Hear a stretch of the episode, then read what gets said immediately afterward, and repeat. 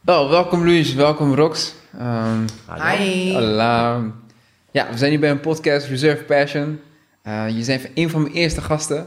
En uh, ja, ik had jullie mijn intentie al verteld en breng ik nu ook gewoon hier naar de mensen. Is, ik wil op een dag ooit een erotische club hebben. Een club waar mensen lekker bij elkaar kunnen komen en gewoon zien en zijn voor wie ze zijn. Dat mensen kunnen zien voor wie ze zijn en zichzelf ook. En gewoon lekker vrij en blij. Dit moment heerst er natuurlijk heel veel stigma's, heel veel hoe, dat kan niet en wat kan je er allemaal doen. Maar we gaan gewoon weer terug naar de essentie, want het begint bij jezelf. En daar ook bij jullie, ieder van jullie heeft een, ander verhaal. Nou, nu heb ik wat over jou gelezen, jij hebt ik hiervoor gesproken.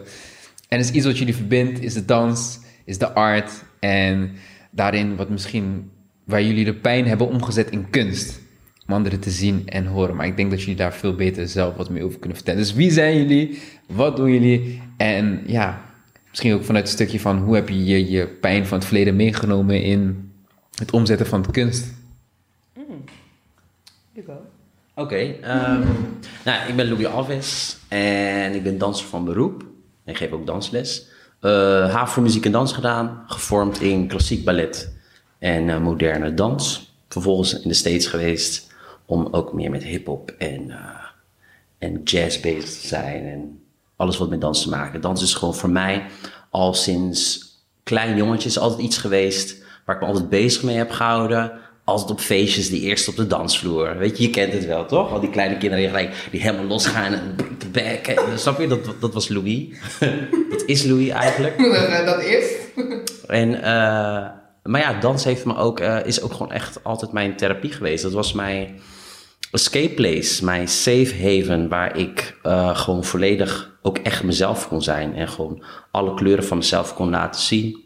En ook een plek waar ik me geaccepteerd voelde. Uh, dus ja, dat is het eigenlijk voor mij geweest. Ja. Nice, mooi.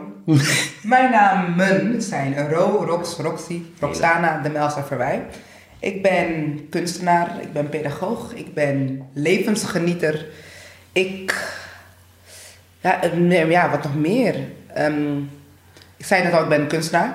En dat doe ik op verschillende lagen. Ik doe dat in beweging. Ik noem mezelf altijd een bewegingskunstenaar en een performance artist. Ik doe zingen, dansen, acteren, zijn, delen, verhalen vertellen. En ook zo dus mijn, mijn persoonlijke verhalen, mijn trauma's vaak gedeeld door middel van kunst. En of het nou bewegen was, theater was, spoken word, rap. You name it. I did, I did it. So that's me in a nutshell. In a nutshell, thank you. is nog wel een beetje een nutshell. Hoe groot is een nutshell? Wat zo groot? Nou, die, nou, die nutshell kun je nauwelijks zien, joh. nee, ik bedoel, ik, heb, ik ben natuurlijk een, een, een, een persoon met een heel groot verleden. Of tenminste, een verleden. En dat is zo divers, zo groot, zo veel, zo vol, zo waar, waardevol. Dus uh, ja, veel. Mooi man. Als je nog heel dichter bij de microfoon kan komen. Ja, zeker. Je lukt wel met je naar voren. Ja Ja, hou je buik even in. ja. Lekker hoor. Ja, met een kleine dikkertje erop. Mag, mag. Jij mag het tegen me zeggen. Ik mag het hè. Dus, ik vraag me af, die club van jij heeft toch ook een VIP-area, hè? Hallo, VIP? Zo, wat, kijk, zeg maar, het concept wat ik wil gaan doen, zeg maar, is dat ik, zeg maar, uh, dat is wat ik in mijn hoofd heb, is de eerste slag, je komt binnen, een restaurant. Je kunt aan tafel zitten met mensen en er komt gewoon iemand vanuit de scene, die komt gewoon bij je zitten, gezellig samen eten, praten. Just having a conversation. Waar je gewoon bijvoorbeeld, je komt met je partner, je bent nieuwsgierig en dan komt een persoon die alle lagen heeft bewandeld en gaat gewoon gezamenlijk gaan zitten. Uh, en praten. En, uh, en, dan kan die persoon die aan je tafel is komen bepalen van... oké, weet je, jullie zijn ready. Ga maar naar niveau 1, eerste verdieping. Okay. Waar misschien massage worden gegeven, tantra... iets meer sensuele naar gewoon rooftop gangbang orgie eigenlijk. Oeh, I love it! Ja. En overal is natuurlijk muziek, kan ja. je ook dansen. Ja, mag dansen. ja. Ja, ja dat, dat is wat ik in mijn hoofd Ik denk dat dat wel iets is wat mensen bindt. Gewoon het eten, de good vibes en de lage drempeligheid van... oké, okay, en dan weten mensen ook die op de zesde verdieping zijn, daar komen niet zozeer beginners die gaan de vibe. Want die, ja, dat past de vibe gewoon aan. Weet je? dus je wilt gewoon echt dat het om de vibe gaat. Ja, de vibe, maar ook gewoon, je toch, wees lekker jezelf. Stel je, het, het feit dat wij dit gesprek al hebben, dat zet mensen al aan het nadenken. Van, oh, dit kan ook anders in mijn leven. En dat is weer een zaadje wat weer wordt geplant. En ja, dat, zo zie ik het, weet je, butterfly effect. En, maar omdat, omdat naar mijn, naar mijn ervaring echt volledig te kunnen doen. Dus wees gewoon jezelf, authentiek jezelf. En, da- en daar zit, in een moment van zijn, daar zit geen doel in. Daar zit gewoon dit moment. En ja, wie weet wie naar ons luistert, wie nu aan het kijken is, wat het triggert. Ik weet dat ik super nieuwsgierig ben. Ik weet dat ik super tof vind. Ik ben Louis een paar keer tegengekomen op feestjes. En dacht van ja, daar wil ik ook over praten. Weet je, ik wil iedereen erbij hebben. Maakt net wat de maatschappij jou als label geeft. En, en, en, het denken wat men kan hebben van... hey, laten we het openbreken. Want om een voorbeeld te geven... eh, ik was laatst in Luxemburg... en eh, je zegt doe je moeder de groeten... en ik had gewoon even moeite, heel eerlijk... om te beschrijven wie Louis was. Ik, ik had gelijk een label in mijn hoofd. Ik, dacht, toen werd ik er bewust van. Ik dacht, hey, hey, nee, weet je... Hoe ga ik hem schrijven? Ik zei, ja, ja hij, hij danst altijd. Dacht altijd. Hij dat is ook een label, maar... Maar ik, ik, ik, ik voelde, wel, ik voelde wel op dat moment een interne struggle op dat moment. Ik denk, als ik op dat moment voel, dan zullen me- mensen dat hebben. Weet je, hoe ga je dan in gesprek? En dat is niet anders dan zeg maar, het, het race discussion wat nu gaande is... voor iemand die dat nog nooit heeft meegemaakt. En die heeft zoiets van... Bijvoorbeeld, ik kreeg mailtjes letterlijk van mensen van... hey, ehm, ik begrijp als we de afspraak willen verschuiven van alles wat gaande is. En ik, ja, zo, ik, ik stond erbij stil. Ik dacht van, wauw, het feit dat die persoon daar de moeite mee neemt. Maar ik- zo sta ik er niet in. Maar ik kan me voorstellen dat het voor heel veel mensen moeilijk is... en de gap groot is om het gesprek aan te gaan met mensen. Met iedereen en ook met jezelf. Oké, waar sta ik met mijn denken? Ik vind het fijn dat het aan je is gevraagd, want ik heb dezelfde discussie gehad bij mijn opleiding. Het is, het is een theatermakersopleiding in Amsterdam. En toen zei ik, ik vind het bijzonder, dat vind ik ook echt, dat ze niet hebben gevraagd hoe het met mij en andere zwarte of gekleurde mensen gaat op dit moment. Want ik heb het wel zwaar hoor. Ik slaap al een paar weken niet. En het gaat nu de laatste anderhalf week iets, iets beter, maar ik bedoel, iets is in mijn gezicht gegooid en nu moet ik daarmee dealen. En er wordt ook nog naar mij geweest om daar antwoorden op te geven. Dus je ervaart van beide kanten. Maar dat is hem juist. Wat, wat is dan goed of fout? Of het wordt gevraagd. En ik heb dan als eerste reflex van... oh, dat je daaraan denkt. En je hebt zoiets van... ja, het moet juist gevraagd worden. En daarom vind ik juist dat dit soort gesprekken belangrijk zijn. Van, je weet het uiteindelijk niet. Je kunt het beter altijd vragen van... hoe gaat het met je? Maar oprecht met je. Hoe gaat het oprecht met je? En dat is onafhankelijk van de label. Dat is, staat los. Maar om dat te kunnen doen... moet je ook jezelf kunnen zien. Dat als je door het leven gaat... waar je zeg maar je eigen pijn niet wil zien... dan in hoeverre kan je oprecht connecten met, met iemand? Ja, dat, dat is ook, als je niet van jezelf houdt, kan je nooit van een ander houden. Dat, daar komt dat ook van. Hoe heb jij die les geleerd? Hoe, hoe ben jij er met je verleden mee omgegaan? Heb je altijd liefde voor jezelf gehad? Nee, helemaal niet. Eh, ik heb er nog, nog moeite mee. Ik moet die keuze elke dag maken. Eh, ik weet wel dat, die, dat ik die keuze belangrijk vind. En waarom? Omdat ik dat in alle andere mensen zie. En eh, ik ben ook docent, ja, docent, pedagoog. En ik leer altijd, hou van jezelf. Omdat ik weet hoeveel pijn het mij heeft gedaan. Dat, Wanneer, wanneer was het moment dat het jou pijn heeft gedaan? dat ik niet van mezelf hield. Dat ik gewoon mezelf zo heb neglect dat ik gewoon voel van dit is niet oké. En wanneer was dat? Nou, in, laatste, in mijn relatie bijvoorbeeld, dat ik dan merk van wauw, ik ben zo ver over mijn eigen grenzen gegaan. Dat ik mezelf nog ver, ik, bedoel, ik kan best wel zelf mijn grenzen verleggen, maar dat het dan zo ver is dat je gewoon, ja, dat, dat iedereen bij, bij, bij wijze van over je heen kan lopen. Gren- Grenzen aangeven. Hoe, eh, hoe ga jij ermee om, Luis? Wa- Hoe weet jij je grenzen aan te geven? Hmm, Want je had het, we hadden het vorige gesprek hier natuurlijk over triggers, van hoe je bent opgevoed, en de band die je hebt met je moeder. Ja, ik denk dat je grenzen aangeven, dat is iets, denk ik, wat je ook, wat voor mij dan, wat ik op een hele jonge leeftijd eigenlijk al mee geconfronteerd werd. Want ik werd niet geaccepteerd zoals ik, zoals ik was. En eh, vanaf jongs af aan merk je al dat daar een battle gaande is. Hè, van, ik wil graag mezelf zijn, dit voelt goed voor mij wat ik nu doe. Nee, je mag niet zo zijn. En, wa- en waar refereer je dan naar? Wat, wat maakte dat mensen Ehm, niet vonden? nou, kijk, als, als, als jong kindje, kleine Louis, die voelde zich meer eh, verbonden met zijn vrouwelijke kant. Ik voelde me, als ik naar mezelf keek, dan dacht ik, of voelde, dan voelde ik me meer eh, meisje dan jongen. Was je daar toen al bewust van? Want als kind dan sta je niet bij stil. Je, Klopt. Dus ehm, zover mijn herinnering gaat, weet je, ik denk dat rond drie, vier jaar, eh, was dat gewoon zeg maar heel normaal voor mij. Het was just the natural me, weet je wel. Het is niet dat je er bewust mee bezig bent, maar ehm, als ik nu terugkijk, dan kan je dan natuurlijk zien van, oh ja, toen ik drie, vier was, hè, voelde ik mezelf eh, eh, little girl, als het ware.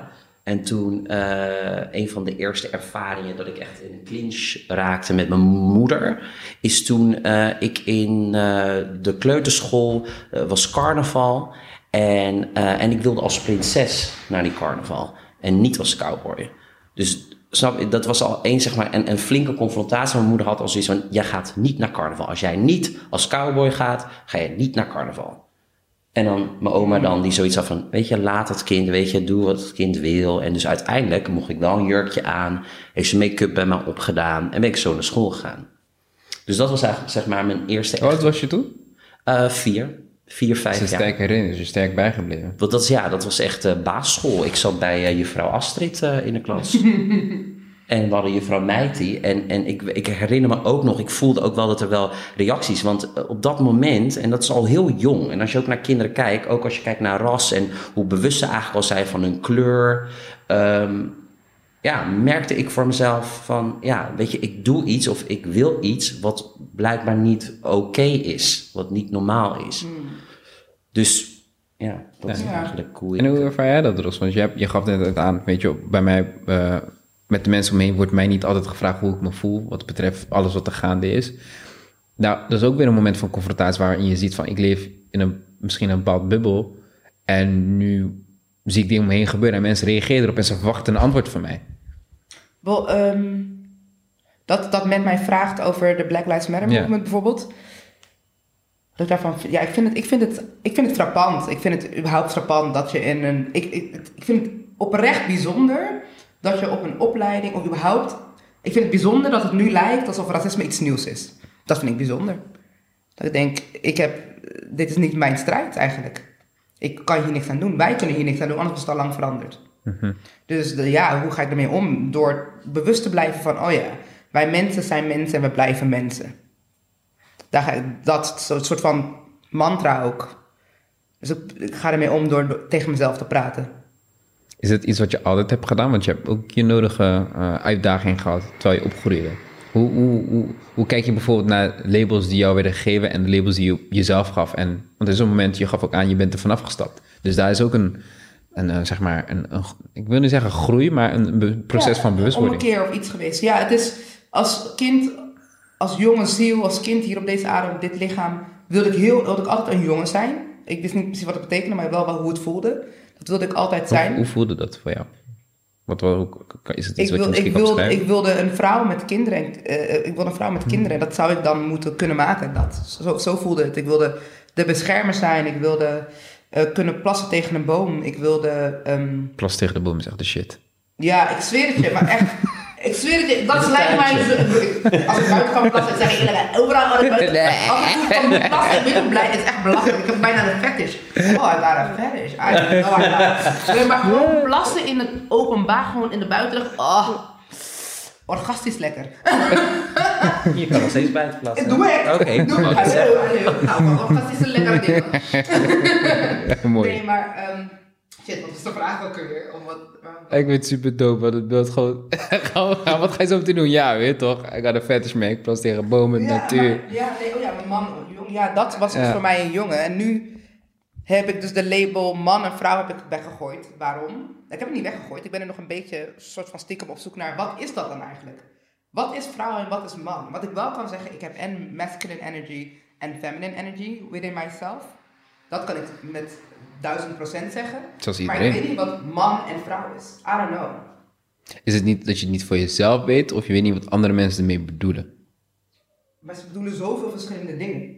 Ja, maar ik denk wel dat eh, ze- als we kijken naar hoe de maatschappij nu werkt en hoe dat, hè, hoe dat zich eigenlijk verder vormgeeft, dan zijn er wel heel duidelijke eh, kenmerken van dit is wat een man moet zijn of wat een man moet doen en dit is wat een vrouw moet zijn, wat een vrouw moet doen. Ja, en dat wil ik Alleen dus niet. voor jezelf, Dat wil ik dus voor niet. onszelf, wij hebben zoiets. Fuck that. Ja. En fuck that. Wat betekent het eigenlijk als we niet naar die regels kijken? Mhm. Weet je, wat betekent dat voor ons? Ja. En voor mij is het dan eh, gewoon zijn. Weet je, het Exact. man of vrouw, dat is verder voor mij. Er, er zit bijna geen verschil, behalve als je misschien fysiek zou kijken. Oké, een man heeft een dik. En Maar niet dus. Maar zelfs, maar ja, daar, daar kan je ook nog gesprek over hebben. dus. Zelfs dat definieert niks. Like your physical doesn't say anything about your uh, je gender voelt. identity or your sexual identity. Exact. Dus voor ons is dat, wij willen, althans, misschien moet ik voor mezelf spreken, maar Nou, ik wil dat gewoon vrij houden. ik wil dat daar geen grens aan vastzitten. Dat het gewoon open is. Dat is like a big ocean. And maybe today you feel like this. Misschien wil je vandaag iets meer die kant op. Morgen voel je misschien meer dat. Exact. Uh, en, en, en dat zou eigenlijk gewoon moeten kunnen zijn. Waar, waar denk je waar de behoefte vandaan komt voor mensen om, om toch hokjes en labels aan alles te plaatsen? Want dat is de wereld waarin we op dit moment leven. Mensen vinden het heel moeilijk om te communiceren zonder uh, uh, labels. Ik merk het bijvoorbeeld wanneer men vraagt: heb je een vriendin? En dan geef ik aan van: ik heb. Dan, dan voel ik altijd wel de niet ergens om toch wel uit te leggen van. Niet in de traditional sense. Ik moet het altijd nog wel uitleggen van. Niet waarop je denkt dat is. Want men gaat ervan uit van: oké, okay, iedereen leeft hetzelfde, maar we zijn niet hetzelfde. Wel een bewustzijn, maar in ons doen en laten. Wil jij mij zien? Laten we die labels weghalen. Ik, ja. ja, ik denk dat het gewoon hoe, hoe de maatschappij zich gevormd of gevormd is. Want de media speelt daar een hele grote rol in. Exact. Het is meer omdat ik vind, omdat ik, ik vind, ik, ik noem die labels niet, omdat ik vind dat de mens nog niet duidelijk over is. Wat bedoel je? Ik vind dat we, we hebben zo, het is ja, net als, wat ja, een man is gewoon dit, een vrouw is gewoon dit. Maar nogmaals, het is niet gewoon zo. Dus jouw bijdrage aan discussies van nee, ik stap af van de labels, als je met mij in gesprek ja. wil gaan, ask we, questions. En ook, het is meer denk ik, als we niet met z'n allen die beslissing maken, dan hoeft het voor mij niet. Wat hoeft voor jou niet? Het, dus die label te gebruiken. Want dat, ik, ik dat ben, we het er niet over eens zijn. Nee, daarom, daarom denk ik dat ik met man en vrouw, dat ik die labels dus niet wil gebruiken. Of ik zeg man en vrouw, want ja, dan ben ik bij alles dan. Dan ben ik wanneer ik het wil zijn. Maar ik denk wel dat, eh, ook, ook, ook als je het koppelt zeg maar aan, aan ras, um, eigenlijk zouden wij, moeten we wel open voor zijn om dat gesprek aan te gaan. Want eigenlijk komen wij van een hele actually we privileged. Super. Wij, super. wij hebben, zeg maar, wij zijn geboren, anders geboren als andere mensen. Dus wij zwemmen al eigenlijk in een pool waar wij als uh, heel van al jongs af aan al bezig zijn met uh, grenzen verleggen. Weet je, als het gaat om weet je, gender en identiteit en wat wel en wat niet. Wat wordt wel. Jongens dragen, moeten blauw krijgen geboren, meisjes roze. Daar zijn we al sowieso mee bezig. Dus wij zijn daar sowieso al open, maar we zijn al gedwongen open. We moesten eigenlijk wel. Exact. Maar iemand die zeg maar geboren is als, hè, als cisgender man of cisgender vrouw. Wat betekent dat? Dus, dat, ja, dus dat, jij bent, ik weet niet of als jij als jongen bent geboren, je identificeert je als een jongen en je gaat door het leven als een jongen. Dan ben je een cisgender man. Dus in die, dus En, waar, hebt de en, en, waar, identity, en waar, waar sexuality. ligt de definitie in, in waarmee ik mij identificeer? Of, Of- hoe anderen waar dat- ik me bij prettig voel? Ja, ik weet niet of jij je identificeert als een cisgendered man. Ik identificeer me echt als, als just a human being, man. Ja, Ja, maar als je, als, als je kijkt naar jouw verleden, kijk nu natuurlijk als je zelf terugkijkt en de ervaringen die je hebt en de boeken die je gelezen hebt Ja. en alle informatie wat je tot hebt Ja, gekregen, dan is dat zeg maar hoe je er nu naar kijkt. Maar als je kijkt zeg maar wanneer een jongetje ter wereld komt, word je eigenlijk al heel snel, je krijgt blauw, eh, autootjes worden voor je gekocht, eh, broekje. Snap je? Je wordt al heel erg gepusht in een bepaalde richting. Als dat de richting die bij je past eigenlijk, hè, van jongs af aan, dan ga je al heel anders het leven in. Want het- die dingen voelen niet anders voor je. Die voelen oké. Later ga je natuurlijk wel kijken van, hé hey, ja, maar weet je, voor mij zijn de dingen net anders. Maar voor ons, wij werden bijvoorbeeld, hè, ik als jongen, werd in dat blauwe broekje geduwd, maar ik Ja. wilde dat roze jurkje aan. Dus snap je, die, die, die battle, die struggle is daar al anders. En ehm, vandaar dat, dat ik zeg dan voor ons, wij, weet je, wij hebben die privilege dat wij al gepusht zijn om heel open te denken. Maar voor iemand die dat niet heeft gehad, is het natuurlijk heel lastig om te zeggen van, eh, hè, om, om uit die box te gaan denken. Ja. Want ze zijn altijd heel comfy geweest in die box. ja, maar ook überhaupt gender en sexuality. Dat zijn echt twee, degelijk twee verschillende dingen. Hoe breng je dat mee, dat, dat kennis, want jullie zijn al, al zeg maar, als je vanaf vroeger al mee, mee ja, niet meer geconfronteerd, maar ermee bezig. Hoe brengen jullie dat nog meer mee in het dagelijks leven? Want op een gegeven moment, weet je, je hebt je pijn gehad, je hebt je trauma's gehad, maar op een gegeven moment denk ik van, dit is wie ik ben, dit is wat ik ben komen doen. Hoe ziet het er voor jou uit, Rox? Wat neem jij mee naar jouw zijn van vandaag? Door gewoon letterlijk te zijn. Hoe uit dat zich?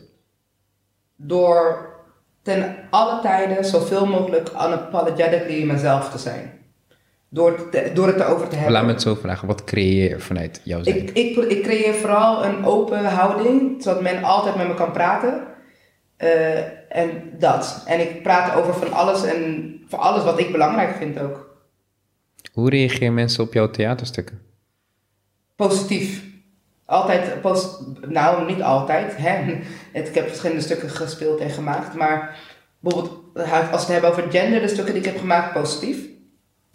Omdat men zich eh zoiets oh wat, wat stoer dat jij dat durft, krijg je dan. Of wat goed dat jij dat doet.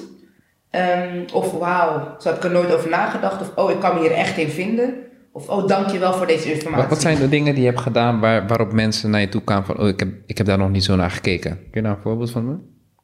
Nee, eh, eh, ja, ik, in het laatste stuk wat ik heb gespeeld, Sugar, ehm, had ik een monoloog. En het ging eigenlijk over de kerk. Mijn ervaring, eigenlijk een van de momenten waarbij ik werd geconfronteerd met mijn seksualiteit, laat ik het zo even benoemen. Ehm, dat toen ik in de kerk zat, ik was was helemaal een fan van de kerk, dat er zeven dagen per week dansen, zingen, spelen, theater, alles deed ik in de kerk. En er kwam toen een moment dat ik niet, omdat ik gay was toen, was ik gay, toen was ik gewoon een meisje wat op meisjes viel, dus ben je gay. Dat moment mocht, moest ik dus uit de bediening, Vanwege? vanwege het gay zijn. Dat was dus niet het, Omdat, omdat jij dat vertelde aan hun? Of omdat... Volgens mij, ik, bedoel, ik ben altijd open erover geweest. Volgens mij had ik op dat moment had ik of interesse in iemand of ik had een vriendinnetje. Dus zei ik heb een vriendin. Want je stond er niet bij stil hoe andere mensen erop zouden komen. Jawel, zeker wel. Maar ik was daarvoor altijd open geweest. Ik had nooit gezegd, ik ben straight. Ik was altijd gewoon wie ik was. Want ik bedoel, ik bedoel, ik ben in de kerk gekomen zoals ik ben, dus ik ga ook uit de kerk zoals ik ben. en wat ik dacht, ik bedoel, weet je, in mijn hoofd was het echt wel gewoon, ik snap de regeltjes van de kerk, maar ik weet ook dat hoe ik ben, dat dat ook oké is. En toen opeens had ik een moment dat het niet meer zo was. Maar wat ik dus heb gedaan en heb uitgelegd, eh, even kijken of ik weet hoe mijn monoloog gaat. Nee, maar het is meer dat ik was bezig en toen zei ik, hoezo mag ik niet meer in de bediening? Ho- Hoezo ben ik niet goed genoeg? Houdt God niet meer van mij? Dus de vragen die ik me toen afstelde, heb ik laat maar zeggen zo opgenoemd. En toen hadden mensen zoiets van, wauw, wat heftig. Of bij mij in de kerk ben je altijd welkom. Of ja, ik herken me zelf in dit. Maar ook bijvoorbeeld dat mensen zeggen, ja, mijn familie is ook super gelovig. En ik ben met een zwarte man en dat vinden ze heel erg. Dus het is heel erg dat denk, oh ja, die kerk, de invloed van de kerk dus, kan op meerdere lagen. Dus niet eens alleen maar met gender of seksualiteit, maar dus ook nog op andere lagen. Of dat mensen anders denken en dan omdat de rest van hun gezin christelijk is of whatsoever. Dus, Waar, komt, waar komt die drijf vandaan om eh, theaterstukken te maken? ik heb het eigenlijk, ik heb op de basisschool... Ze is al heel theatraal. Ja, maar dat, dat, echt waar. Nee, echt, nee, je, je lult. Echt, mijn moeder, nee, echt waar. Is zo? Ja, super. Super. Ik ben super theatraal. Ik ben super theatraal. Nee, eh, nee, mijn moeder die zei ook, dit verhaal vertelt aan iedereen. Toen ik Roxana in de krib lag, was ik echt een clown. En tien minuten ik met data en theater. Heel de dag hoor ik dat. Maar ik zie ook bij mijn neef bijvoorbeeld nu, die twee, dat ik denk, oh my god, je bent echt een clown. Ik dacht, "Huh? Weet je wat mijn moeder waarschijnlijk bedoelde? Dus super grappig. Ik dacht, oké, je wordt een acteur of danser of En je moeder was ook heel erg in, met dans bezig. En Ja, maar toen zij haar kinderen kreeg, en ik ben natuurlijk de jongste, eh, toen was ze al gestopt een tijdje, maar ze was wel open ervoor. Ja. Maar mijn, mijn passie voor theater kwam omdat ik ooit op de basisschool les had, toen dacht ik, dit is het. Dit is het. Je mag jezelf uitdrukken op verschillende manieren. Heerlijk vond ik dat. Wat ik, waar ik wel nieuwsgierig ben, en zeg maar, je kwam de kerk binnen. Hoe kwam het dat jij, zeg maar, dat is het beeld dat ik dan van de kerk heb, is eh, iedereen past binnen traditionele rollen, man moet met vrouw zijn, maar jij ging de kerk wel in van ik val op vrouwen en daar voelde je geen probleem bij. Wanneer was het moment dat jij dat wel als een probleem, niet ja, dat anderen als een probleem dat ervaren? Ja, Zeg maar, dat klikt nog niet in mijn hoofd. Oh ja, nee, ik was ongeveer, nee, nee, ik was tien volgens mij toen ik naar de kerk ging. Maar en niet, niet zo, zo lang daarna, ik denk elf, groep 7 of groep 8. Toen kwam ik erachter, want ik had toen al vriendinnetjes, maar dat was heel normaal. Ook gemaakt gelukkig door mijn moeder. Maar ik dacht, Dus je moeder speelde daarin ook een belangrijke rol. Zij was ja, gewoon, ik had ze accepteerde mij-. Ja, ik was zat echt in de, in de kleuterklas, toen was ik vijf of zo. En toen zei ik, ik heb een vriendinnetje. Toen zei ze, oké. wat gaat ze anders zeggen? Ja. Ja, nee, maar toen zat oké. Het was heel normaal gemaakt. En toen daarna had ik vriendjes en vriendinnetjes. In groep 7, werd, ik weet niet, toen dacht ik, oh wacht even. Ieder, elke jongen heeft een vriendinnetje en elke meisje heeft een vriendje. Eh, In groep 8 pas? Groep 7 of 8. Oh, groep- wauw. Ja, want daarvoor dacht ik dat het gewoon, ik was gewoon mezelf. Ik was gewoon, als ik een vriendje wilde, wilde ik een vriendje. kerk. Als ik een vriendinnetje wilde, wilde ik een vriendinnetje. Ook op de kerk was, werd daar niet... over Nee, nee, nee, maar, dat, ja, maar dat had ik het er niet over. Wie heeft er nou dat ik in de Ah. kerk over de I don't- I don't know. Ja, I don't know. Ze was bezig met zingen en dansen. Ja, zingen en dansen. Ik was gewoon aan chilling. Oké, oké. En dan zijn we fast forward. Dus we- wanneer kwam het moment... Kwam de kerk er wel achter? Hoe ging Ja, nee, dus omdat ik het had gedeeld. Ik zei, ik heb een vriendin. En toen dacht ze van, hey, hold up. Not in van, the house of het is God. oké. Het- Maar ze zeiden wel, tenminste wat ik nog weet, echt tof. Volgens mij zei de voorgangsvrouw dat ze zeiden wel van, dat is oké. Op eerst was het een tijdje, hé, hey, ik had het vroeger ook en misschien is het niet zo, hè. Volgens mij, hè, misschien moeten we bidden, moeten we bidden. Ik heb heel veel gebeden, heel veel gebeden, heel veel gevast. Gebeden voor? Voordat het weggaat. Je hebt gebeden om... Dat de homoseksualiteit weggaat. Was je serieus in het bidden met dat? Ja, hé. Dus, Oké, maar zeg maar, nu springt er weer voor mis, want je, je- het klinkt alsof je jezelf helemaal had geaccepteerd. Ik val op vrouwen, Ja. eh, op school. Oké, in groep 8 merk ik van, oké, blijkbaar is dat niet zo. Je gaat verder met de kerk en dan komt een moment dat, ze, dat jij geloofde dat het niet oké was. Ja, Hoe kwam dat? dat was dus eigenlijk een actie. Je, je, het zijn twee, twee dingen. Eén laag is, ik weet, namelijk, ik weet niet hoe, hoe erg je met de kerk bent of familie hebt die gelovig zijn. Oma. Mm, ja, nou, als je in gesprek gaat, zijn er best wel veel regels. Ja. Dus ik wist eigenlijk ook van boeken dat het niet oké was to be gay in church. Nou, snap je? Vanuit het christelijk geloof is het not. Ik bedoel, Sodom en Gomorra, we all know the story.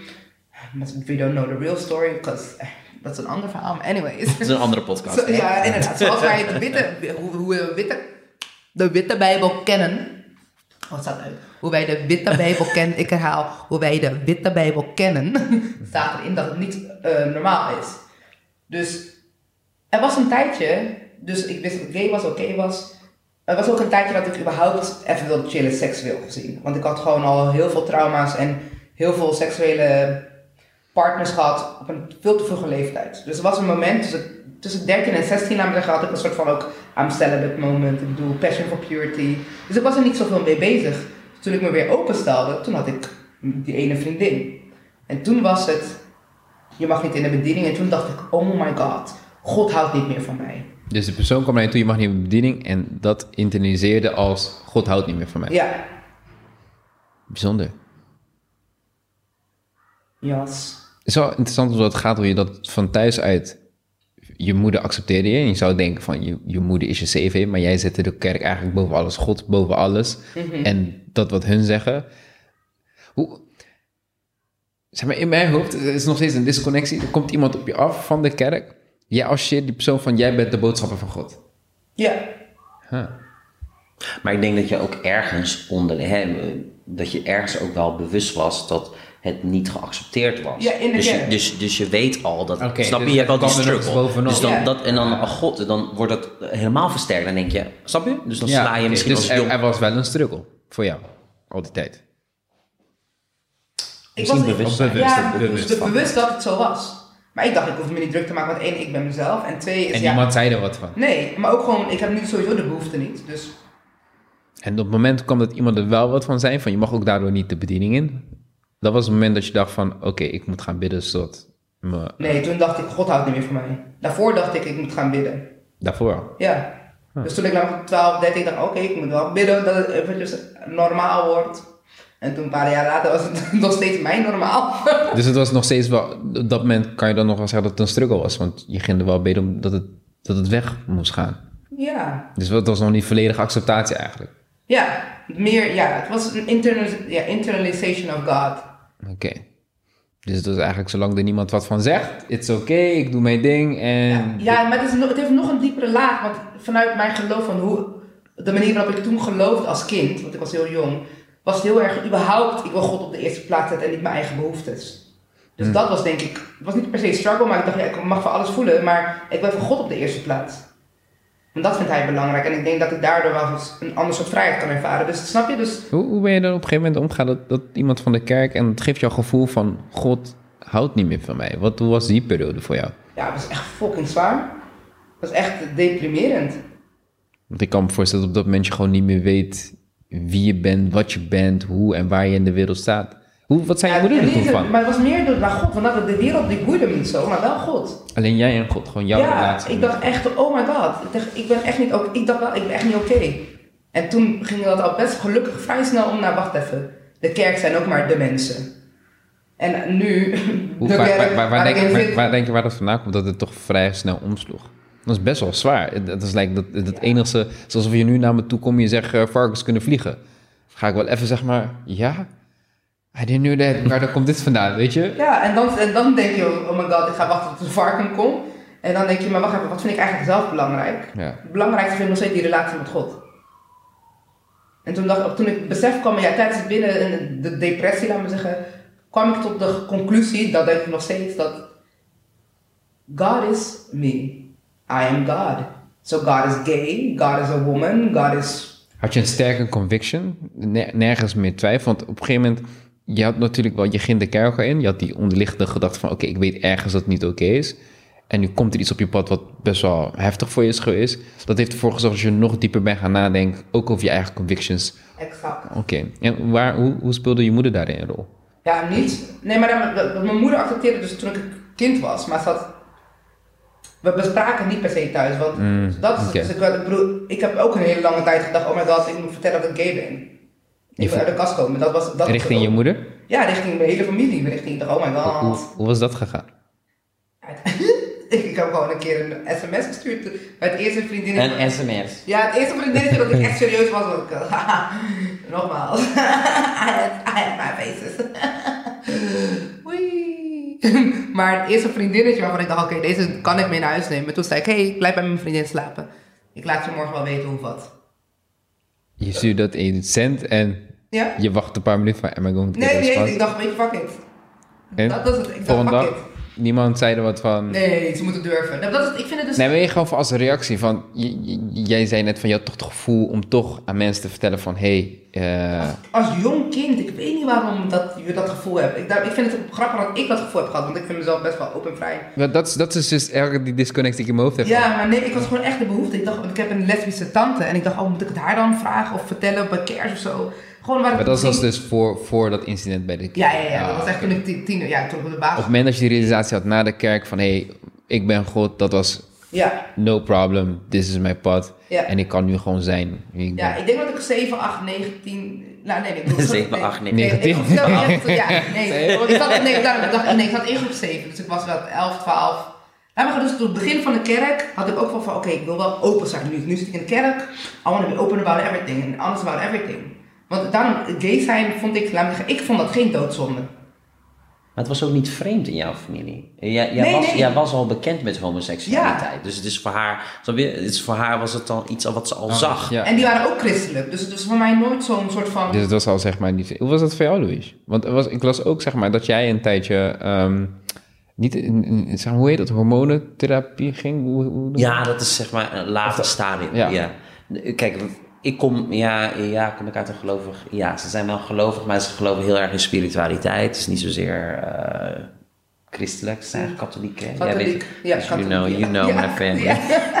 Ehm, maar ik had verder geen, eh, er waren geen homoseksuals om mij heen of transgenders. Dus het is niet dat ik zeg maar, eh, zeg maar mijn gevoel ergens kon bevestigen. Dus het was gewoon vreemd. want Nobody around me is gay. Of, of nee, niet eens gay. Voor mij was het echt vrouw. Het was Ja. al vreemd dat men jou vroeg van... Hey, je moet blauwe broek aantrekken. En je dacht van, ik wil dit. Waarom wordt hier moeilijk Ja. gedaan? En niemand anders verder. Dus er is geen reflectie. Niet op tv, niet in tekenfilms, niet in boekjes, eh, niet in mijn familie. Dus ik had dat niet. Dus dan bevestigt dat nog meer dat jij apart bent en vreemd Wat en deed, raar. wat deed dat toen met je? Nou ja, kijk, als je nu terugkijkt, dan, dan, dan kan je dat nu zo benoemen. Maar op dat moment als, als klein kind zijn, voel je je gewoon heel eenzaam. En, eh, en het is grappig, want zij hadden het nu over bidden. En ik ging dan op mijn knieën s'avonds. Niet dat ik leerde bidden van mijn ouders, maar ik ging op mijn knieën en ik ging bidden naar God dat ik de volgende dag wakker zou worden als meisje. dat, was, dat was mijn ding. Ja. Like praying, praying en hopen. En eh, ik zal alles voor u doen. Wow. Eh, als u alsjeblieft maakt voor mij. Om, om dan zeg maar e- eindelijk te kunnen zijn. Maar ook gewoon om volledig geaccepteerd te worden ook. Want dat was voor mij zeg maar de key to uh, become accepted and part of. Want als, als mens willen we volgens mij overal... Ja, Ja, nee, we willen willen we gezien worden, ja, willen we gezien worden en willen we ergens bij horen. We willen geen buitenbeentjes zijn eigenlijk. We want to En, be en- accepted. en zou je dan kunnen zeggen dat je op dat moment jezelf nog niet volledig kon omarmen... omdat je nog geen... Ja, je had nog geen houvast. Je had nog niet, je had nog niet de antwoorden op de vragen voor jezelf. Klopt. Ik kon mezelf ook niet volledig omarmen.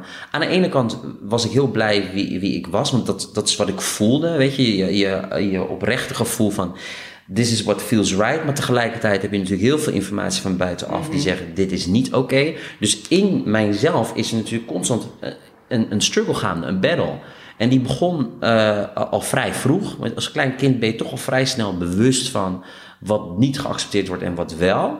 En dat, en dat gaat zo door, zeg maar. En op een gegeven moment, hè, je, je wordt zelf wat wijzer, je ziet dingen, je, je, je krijgt nog meer reacties. Ook als je gewoon buiten loopt, als je op school bent.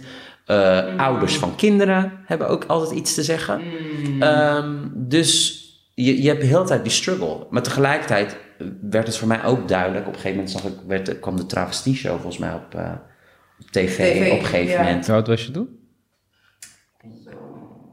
Jong hoor, het was echt is van uh, Ron, nee, hoe heet die man? Uh, Robert de Brink of zo. Robert, ja, volgens mij wel. Ja, een tijd geleden. Mij, ik weet niet, ik denk 11 of zo. Misschien. Volgens mij was het nog wel basisschool, want ik weet nog dat het kwam op tv. Ik wilde het graag zien. En mijn moeder zei van, nee, waarom gaan we dat kijken? Mijn vader, mijn broers wilden het ook niet kijken. Van, waarom kijk je dit? En toch, op een gegeven moment, kreeg ik wel de kans om het te zien. En, uh, en Wat deed dat toen met je? Het, voor mij was het een soort van You know, this is the first time I see. Het was niet gelijk direct dat ik dacht van dit is wie ik ben. Maar het was wel zeg maar een soort van acknowledgement van there are more people in this world that are different.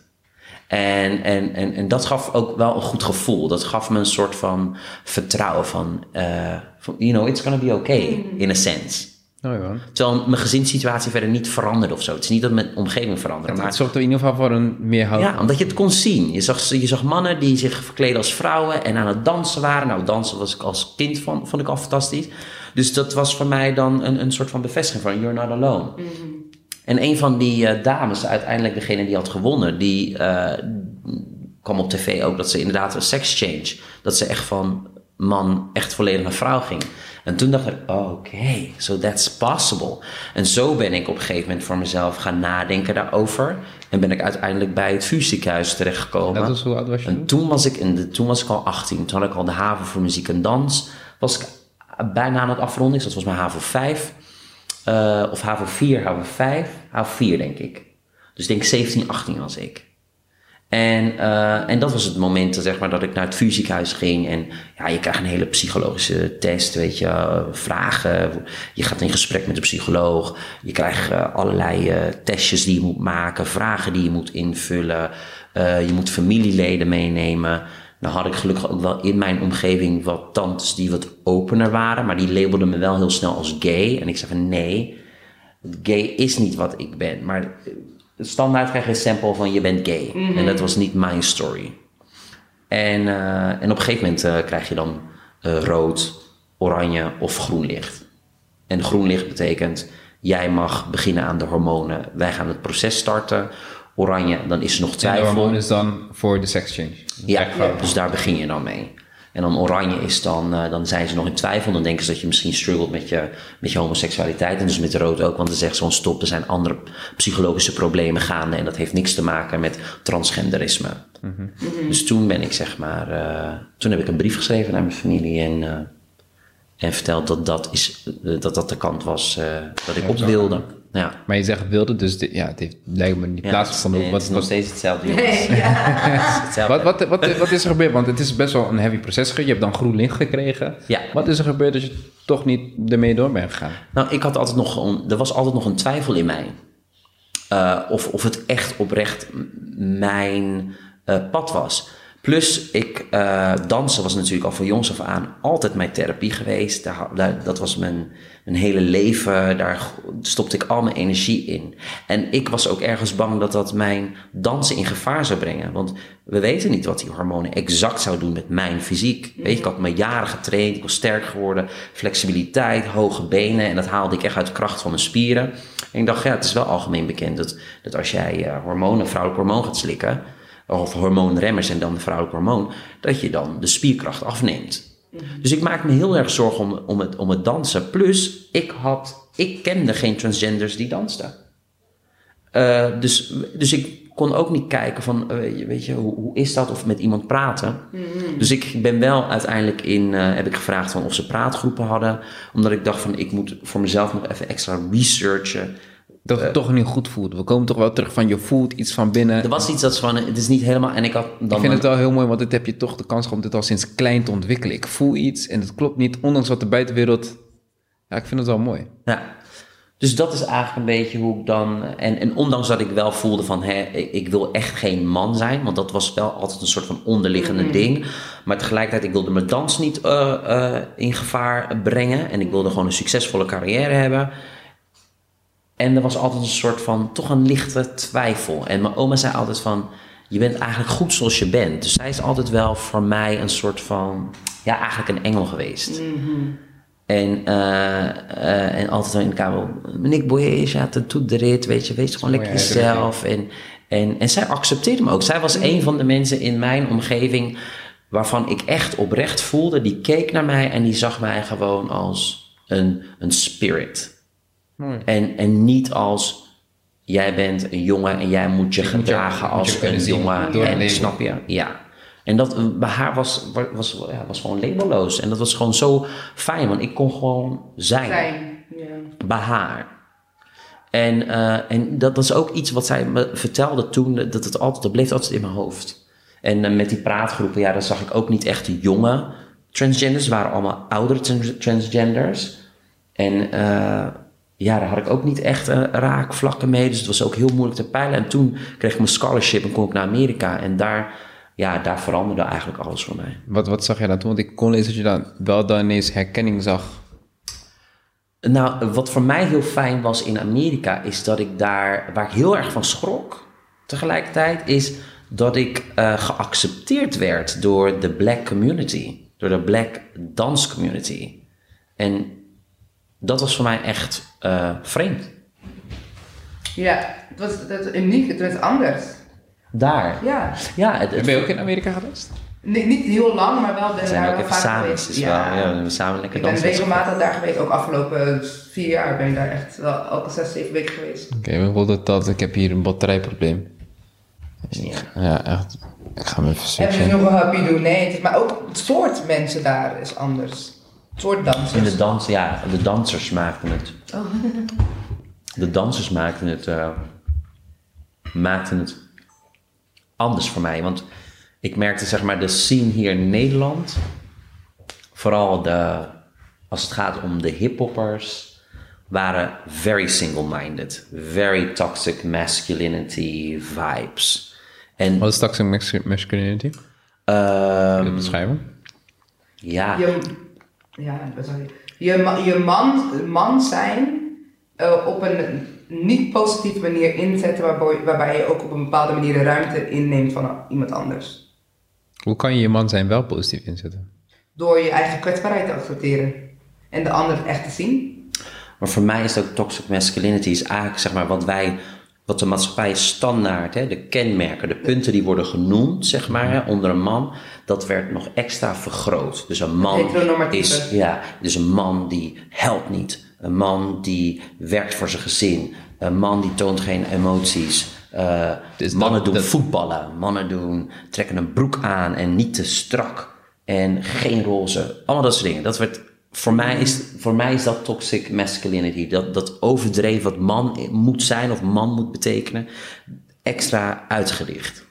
Voor mij is het stukje wat je net benoemde ook, jullie dat emotie, jezelf niet erkennen en zijn voor wie je bent. Maar omdat een bepaald label is geplakt, dan moet ik me daarna gedragen zoals je aangaf van niet huilen. Terwijl je misschien net, enorm verdriet hebt. Ja. je weet niet hoe je verdriet moet uiten, grijp je naar een fles.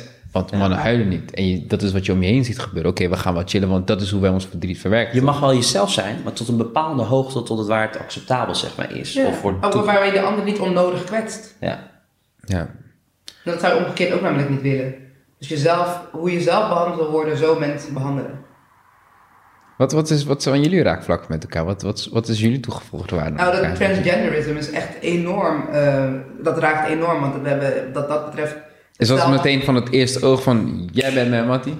Ja, maar, maar ik, ik zag echt, of ik zie nog steeds, echt de feminine energy in Louis. En, da- en ja, ja, volgens mij zie je dat omgekeerd ook bij mij. En dat was, dat, dat- dus die, over, de, over die erkenning, dat ik dat bij, bij hem zag. En het, het, het mocht er gewoon zijn. Ik dacht, oh my god, je bent zo mooi zoals je bent, omdat je jezelf bent. En dat ben ik ook. Was dat ehm, tijdens de opleiding? Was dat op werk? Waar, waar Nee, hebben jullie oh, elkaar was ontmoet? Wij, zijn, niet van dezelfde opleiding. Nee. Nee. Nee, nee, uiteindelijk heb ik de is opleiding veel gedaan. Ja.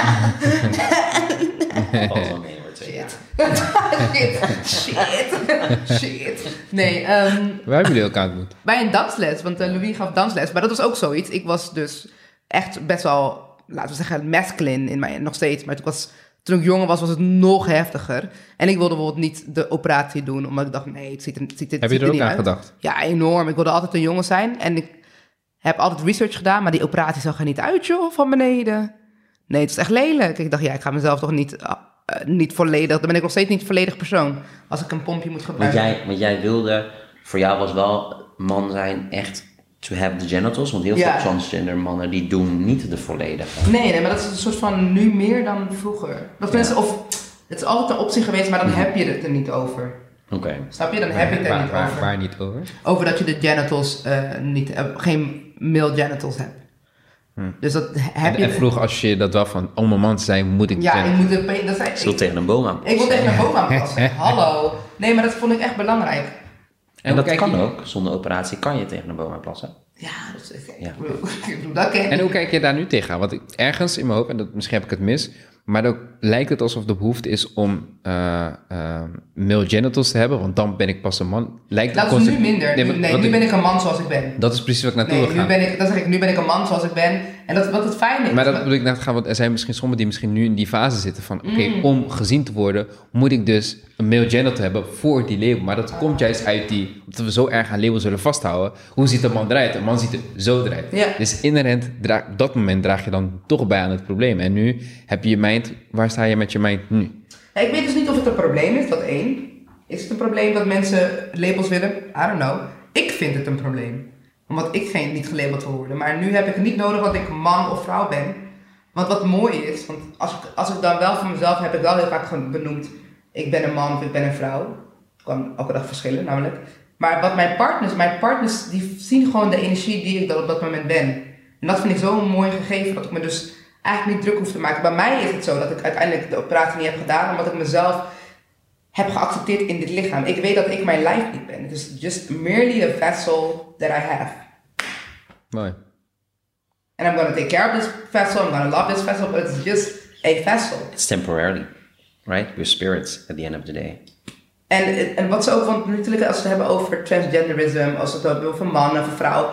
we- In, door, de, door, die, door dezelfde kerk waar ik in zat, is, zijn al die labels zo belangrijk gemaakt. Ik bedoel, überhaupt de kerk, als je kijkt naar heel veel religies, is heel vaak ter onderdrukking van de vrouw. En dat is eigenlijk waarschijnlijk een van de redenen waarom ik geen vrouw wil zijn, want ik wil niet die onderdrukte persoon zijn. Dat is eigenlijk een van de voornaamste redenen waarom ik geen vrouw wil zijn, maar ik ben ook vrouw. En ik hou van mijn vrouw zijn.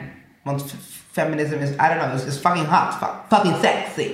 It's just, ah, ik, ik kan op mezelf geilen wanneer ik in dat, die feminine energie zit. Dus dat vind ik een, een mooi ding. Maar wat ik dan belangrijk vind, ja, wat, ja dat, dat het er bijna mag zijn.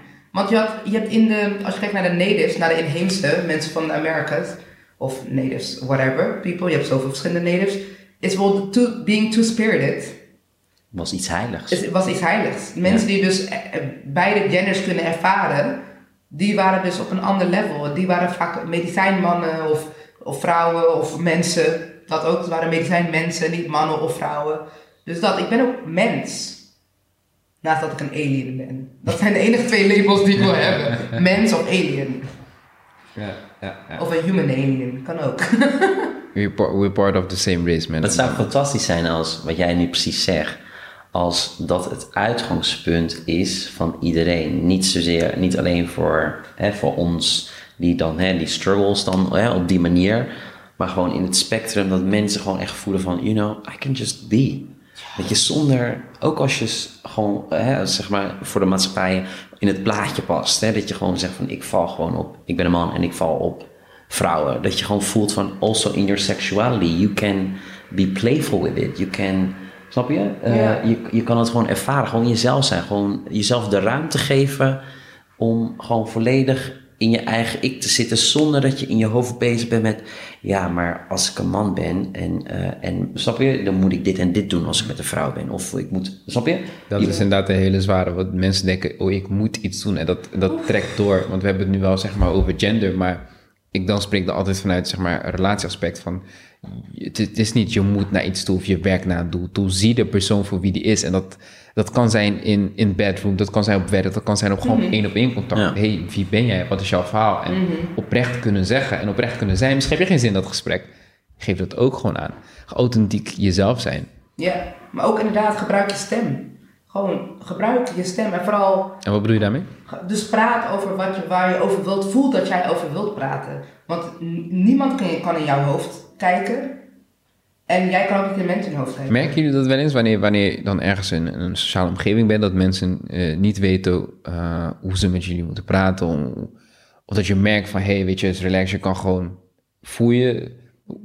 Ja, ik, ik merk wel, en dat van jongs af aan heb ik dat gewoon, dat je gewoon heel goed merkt van eh, wanneer mensen eigenlijk niet zo goed jou kunnen handelen. Dus ik neem ook heel, heel snel, zeg maar, een soort van, toen helemaal, nam ik al sowieso een beetje afstand. En dat had voornamelijk met mannen eigenlijk te maken. Want ik merkte altijd vaak dat de mannen, de kabelmannen, issues hadden met wie ik was en daar niet En aan wat merk je dat? Ehm, ja, ik, ik weet niet. Ik heb het gevoel dat als je van jongs af aan, zeg maar, eh, bent zoals zeg maar, ik ben geweest of hoe zij is geweest, dat je een soort van sens krijgt. En, en, en dat je herkent wanneer iemand een bepaalde aversie heeft of zich niet comfortabel voelt bij je. En in die aversie neem je afstand in plaats van het gesprek aangaan. Toen ik jonger was, zeer zeker. Want het is Onveilig. natuurlijk het is onveilig en, en het is ook een confrontatie. En plus, I'm still also figuring out myself. Dus het is a very tricky place to be. En hoe ga je er nu mee om? Nu, weet je, nu, nu sta, je, sta je in je kracht. Weet je, je, je, je hebt jezelf geaccepteerd. En, eh, en dat proces gaat, wordt steeds sterker, wordt steeds meer. Eh, dus nu, zeg maar, ik, ik cijfer mezelf niet meer weg. Of ik, ik neem daar geen afstand van, van zeg maar. I will just own, Ja. own my space. En alhoewel mensen wel altijd zeiden van... ja, maar als jij altijd binnenkwam op feestjes, verjaardagen... was jij echt wel een, iemand die zijn space ownde.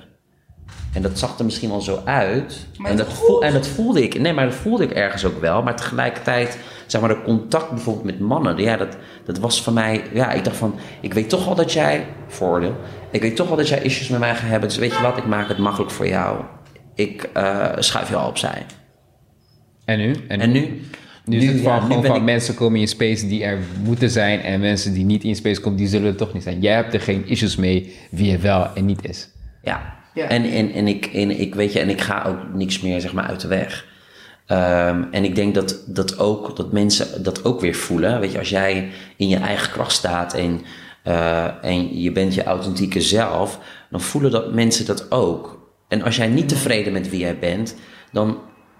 Ik, ik heb het gevoel dat in je energie, in je aura, ontstaat er een soort van negativiteit of iets wat dan steeds clasht met was andere mensen. Ik, ik, ik benoem het altijd, dat dat ontstaat zeg maar, dat is zeg maar eh eh, two to the power of two. Als je dat laat staan, het kan groeien. Dus het is een potentie van iets wat kan, negativiteit kan opvangen. Ja. En dat kan elkaar, het hoeft maar net bij een andere persoon. Dat kan soms zijn met, eh, we kennen het allemaal, iemand staat ineens spontaan voor je deur. Je hebt er eigenlijk geen zin in, je doet toch open.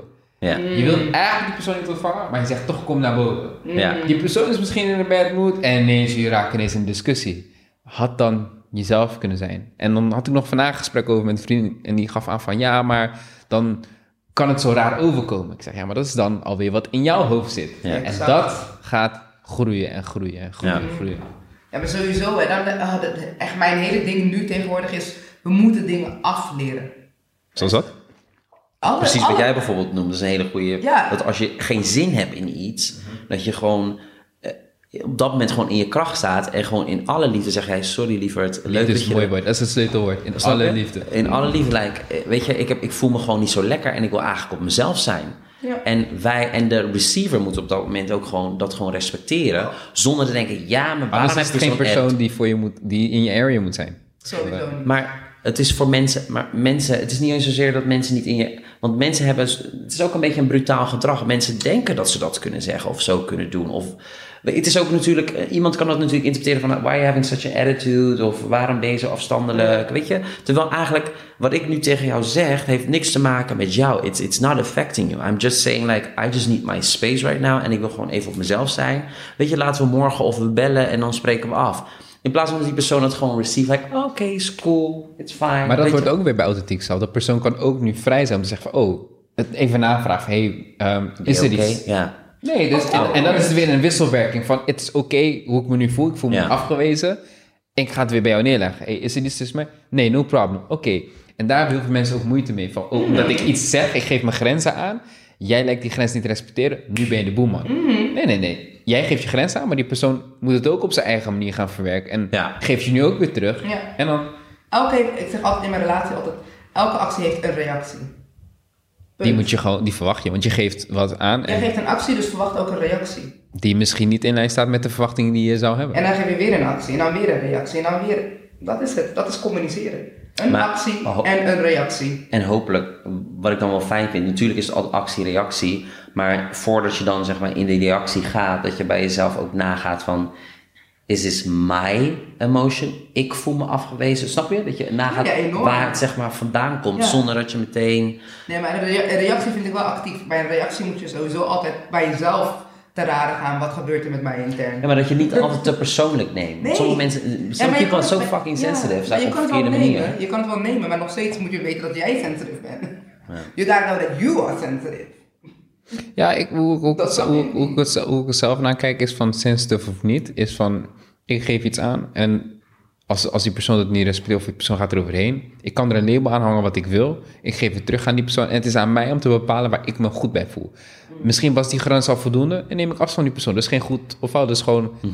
Ik wil een bepaald type mensen om me heen. Precies. En, en dat is dan weer voor iedereen, iedereen anders. Ja. Ja, zeker. Maar ik bedoel, als je dit bij familie zou zeggen, oeh. Bij mijn, bij mijn moeder, hoe ik er nu mee omga. Ik was daar bijvoorbeeld een paar weken geleden. En ik merk dat zij bijvoorbeeld heel snel schreeuwt. En een bepaalde, een bepaalde manier negatief uit. En ik keek ernaar en ik had echt een moment van... Wauw, weet je, dat, je nog, dat iets nog in jou speelt dat je je zo moet uiten. En ik voelde op dat moment wel oprechte compassie. Want vroeger, oh, dan reageerde ik zelf van... Ja, waarom moet je me schreeuwen? En, en nu heb ik zoiets van... Nee, maar weet je toch, jij zit daarmee en... Ja, eh, is, is erg. Maar ook met mensen, weet je toch, wanneer in het gesprek gaat bijvoorbeeld, en dan is het volgende onderwerp, wanneer ik vertel over erotische feestjes en ik krijg bepaalde reacties erover, soms prik ik wel expres. Zeg van, ga je Wat reacties krijg je dan? Ehm, eh, nu wat minder, maar in het begin, dus misschien ook hoe ik het bracht, oh, ehm, daar wordt veel gesext. En ik had zoiets van, Nee. Ja, maar mensen denken vaak dat het alleen maar seks ja, dat het alleen maar om dat oh, gaat. Ja. wauw. En, en ik had zo van, nou, dat is... En ik, toen gaf ik ook van, nou, mijn ding is... Ik hou van kijken, ik hou van mensen zien. Ik hou er gewoon van om daar te zijn. Just enjoying people. Seks kan komen. Het kan, maar het is niet waarvoor ik daar ben. En niet dat mensen daar niet gaan met intentie. They, they just do you. Maar weet, daar zijn meerdere dingen mogelijk. Het is net als dat... Het is niet omdat je bij iemand in bed ligt... dat je meteen seks moet hebben. Exact. En dat is weer terug weer naar het moment. Zie jezelf wie je bent. Zie je de ander weer. Ja, enorm. Day, day to day. Ja, nee, maar dat is, ja... Ja, maar überhaupt bij zo'n, een, een, ik noem dat het kinky parties, omdat het... Wat is voor jullie een goed, goed kinky party? Wat, wat Een zijn goede, oh ja, my god, een goede kinky party voor mij is sowieso een feest. Wat ga je zeggen? Nee, het is Ik sowieso... denk dat het de naam van een feest ging. Ja, nee, oh, nee, nee, nee, nee, nee, want ik ben dus bij heel veel verschillende feesten geweest in heel veel verschillende landen. Ja, Maar wat ik, een van de, een paar feesten vind ik tof. Een paar, een beetje basement-achtig. Altijd goede muziek, hallo. Muziek. Wat is goede muziek? Je hebt het over Duitsland. Oh, Duitsland sowieso. En New York, hallo. Ehm, wat vind ik lekkere muziek? Ja, hangt drum and bass. Ik hou van een beetje eh, house, afro house, drum and bass.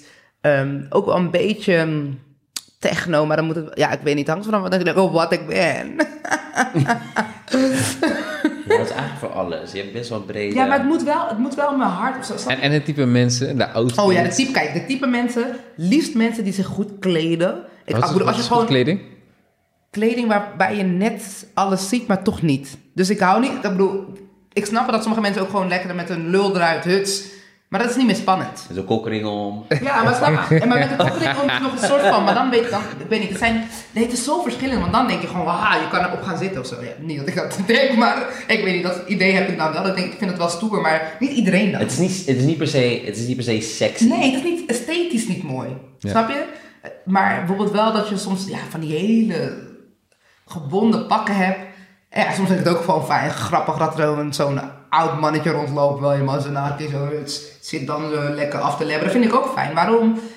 Ik, ik zei al sinds jong, een jonge leeftijd zei ik ook, zo'n kinky party is echt super fijn. En waarom? Omdat iedereen komt daar bij de mindset, er kan, er kan gezegd worden, maar het hoeft niet. Ja, En, dat kan, vind ik, en moet. die, die vrijheid vind ik zo tof op dat soort feesten. Omdat ik, ja, ik hoef mezelf inderdaad niet te gaan conformeren. Ik hoef niet iets te gaan doen. Ik mag genieten, ik mag dansen. Zonder dat er, wat hoeft te gebeuren. Maar ik kan ook seksen wanneer ik dat wil, met wie ik dat wil. En dat vind ik gewoon die opties van... En ook sommige mensen zien er zo fabulous uit. Gewoon in... Ja, in heel je outfit. Oh, fucking lekker. Bij welk feestje?